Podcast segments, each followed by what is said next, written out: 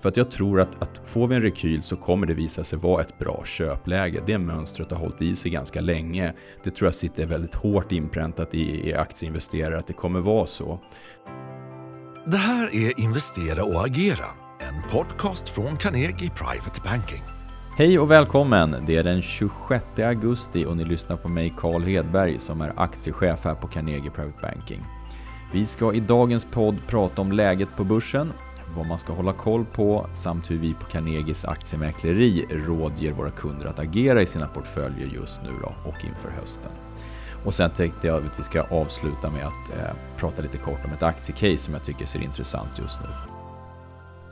Om vi börjar med marknadsläget. Eh, vi får väl konstatera att vi har haft en stark börssommar. Summerar vi året så här långt så är den svenska börsen, om vi tittar på OMX30-indexet, upp cirka 26 Amerikanska börsen är upp eh, ganska kraftigt men inte fullt lika mycket. Nasdaq är upp 17%, S&P upp 20% ungefär. Eh, men vi har dock fått nya all time high-noteringar från de amerikanska indexen här nu senaste dagarna. Så att kortsiktiga trenden har varit lite starkare i USA än vad vi har haft i Sverige.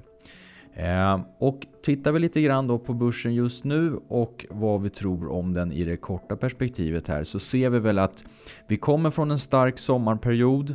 Det har blivit lite mera avvaktande just nu och det är många som sitter och väntar och ser nu vad kommer vi få se för uttalande från amerikanskt håll och det är mycket fokus på orten Jackson Hole och då Federal Reserves konferens eh, där man kommer sannolikt prata någonting om vad man ska göra med den här så kallade taperingen. Alltså neddragningen av de här stimulanserna eller eh, tillgångsköpen. Och det som kommer vara väldigt mycket fokus på det kommer ju vara då givetvis storleken på, på det här eh, och tidpunkten för det när man ska dra igång med det. Så att det här är många på aktiemarknaden som sitter och tittar på för att det kommer ge en, en större påverkan sannolikt. Tittar vi in i hösten så har vi fortfarande stöd för aktiemarknaden tycker vi och det är ju låga räntor. Även om trenden sannolikt kommer vara uppåt igen under hösten så är det fortfarande låga nivåer och det gör ju att det finns få andra alternativ som riktigt kan matcha aktiemarknaden. Så det tycker vi talar för aktier även under hösten. Vi har ju även då vinsttillväxten. Vi tror ju att bolagen kommer fortsätta visa stigande vinster även under de här kommande två kvartalen under hösten eller avslutningen av det här året. Så det tycker vi talar för, för aktiemarknaden också. Och sen har vi då det här med stimulanserna, så även om man trappar ner dem så kommer det fortfarande vara stimulanser.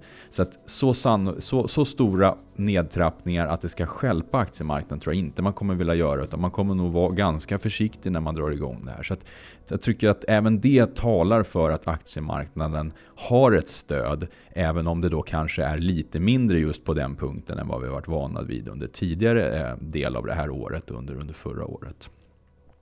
Så vad ska investerare hålla koll på? Ja, jag tycker att man ska titta faktiskt på vad man får för signaler om just den här nedtrappningen. Det kommer vara mycket det som styr aktiemarknaden i ett lite kortare perspektiv.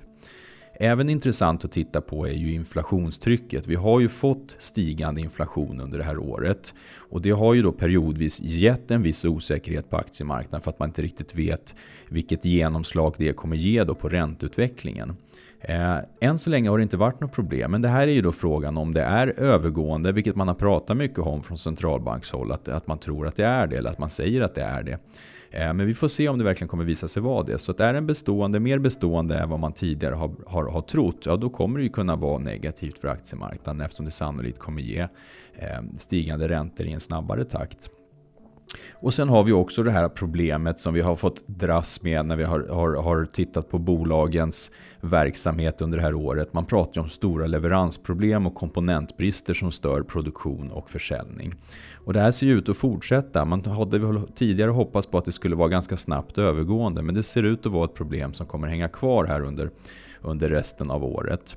Eh, och det finns ju en risk för att det här också skulle kunna då eh, förlängas lite grann av att vi har sett en, en fortsatt virusspridning och nya nedstängningar framförallt borta i Asien. Och det här är ju ingenting som är positivt då för att komma förbi de här komponentbristerna eh, och leveransstörningarna. Så att det här skulle ju kunna då potentiellt försena den här återhämtningen och minska takten i återhämtningen och därmed då en risk för den här fortsatta vinsttillväxten för bolagen som ändå är viktig för att vi ska kunna få se en fortsatt eh, stark börs eller en stigande börs. Så det finns en del faktorer att hålla lite koll på här. Så att eh, utifrån det så tycker vi att det finns en risk att vi kortsiktigt kommer kunna se en rekyl i aktiemarknaden eftersom vi kommer från en väldigt stark period eh, och att vi har en del osäkerhetsmoment som vi inte riktigt vet hur de kommer spela ut. Så att eh, rådet är väl att som kortsiktig investerare var lite mer försiktig. Har man vinster från, från sommarens starka utveckling, ta hem en del av dem, öka likviditeten. Var beredd på att vi kan få se en rekyl. Det är inte orimligt att vi skulle kunna se en rekyl som skulle kunna vara åtminstone 5% från de här nivåerna. Vi får ju backa tillbaka nästan ett år för att ha en rekyl som är i den storleksordningen. Så att det talar väl också för att det borde kunna öka sannolikheten att vi har det. Eh, vi har ju faktiskt sett att det är en mindre bredd också i börsuppgången senaste tiden. Vi har dessutom det här säsongsmönstret där sommar och höst vanligtvis brukar, eller inledningen av hösten brukar vara en sämre period på börsen för att sen gå in i en starkare del då som, som börjar under senare del av hösten och sen håller i sig över vintern. Så att det här är också sånt som skulle kunna tala för att, att risken för rekyl är lite högre. Så att kortsiktiga investerare kan med fördel då öka upp eh, likviditeten och vara beredd. För att jag tror att, att får vi en rekyl så kommer det visa sig vara ett bra köpläge. Det mönstret har hållit i sig ganska länge. Det tror jag sitter väldigt hårt inpräntat i, i aktieinvesterare att det kommer vara så. Så att jag tror att det kommer vara så även i det här fallet. Eh, är man lite mer långsiktig och inte vill agera på, på de här kortsiktiga riskerna eller trenderna, ja men då tror jag att man kan sitta ganska lugn med att vi kommer ha en fortsatt positiv börs ytterligare en tid. Jag tror att vi kommer se en börs som har möjlighet att stiga från de här nivåerna, även om potentialen givetvis är lite mindre på grund av den väldigt starka starten på året. Tittar vi då på några trender på marknaden så har vi ju sett eh, under starten av det här året att vi hade en ganska kraftig sektorrotation in i värdeaktier, valueaktier. Eh, från att under året dessförinnan ha varit ett väldigt starkt år där mycket tillväxtbolag premierades. Eh, det här svängde ganska kraftigt under starten av året där vi såg att industribolag och banker till exempel fick kraftiga uppgångar.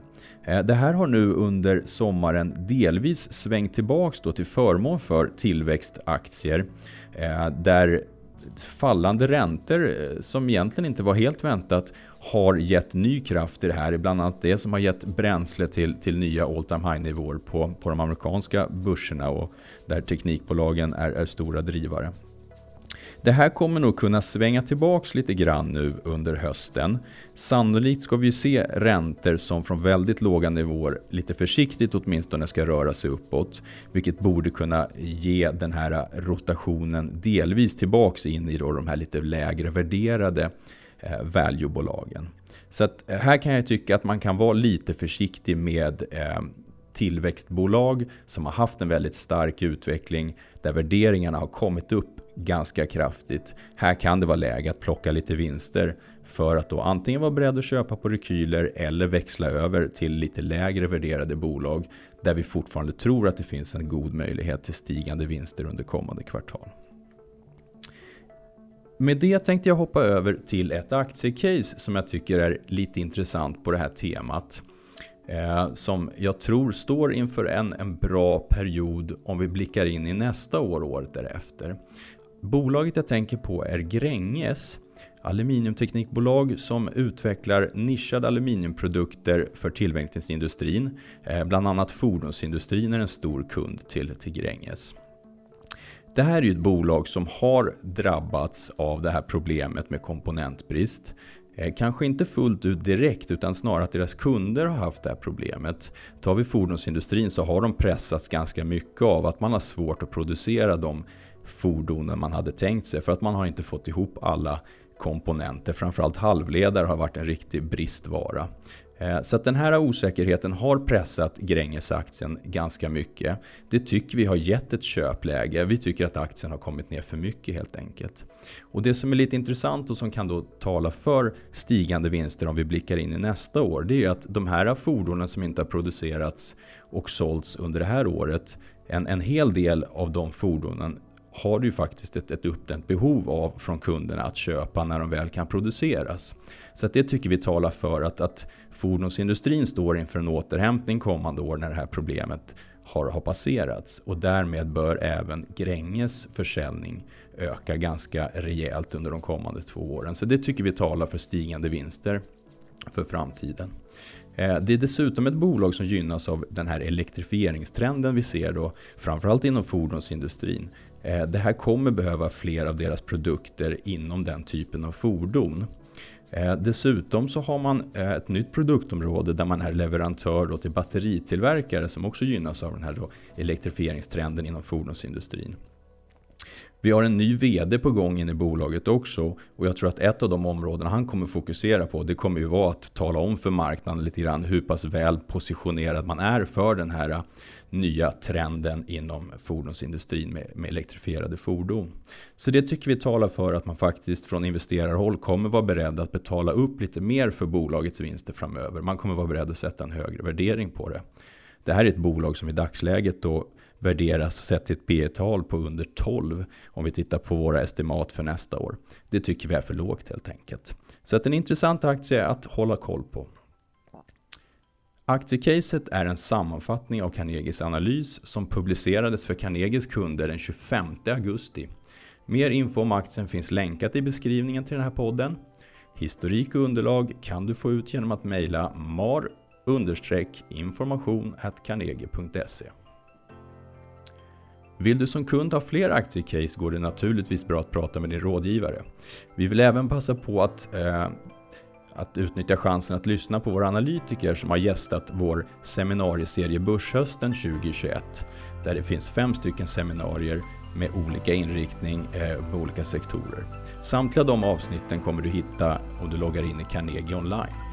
Tack för att du har lyssnat! Du vet väl att den här podden finns på både Spotify och iTunes? Om du tyckte det här avsnittet var bra får du gärna ge oss ett betyg eller rekommendera podden vidare.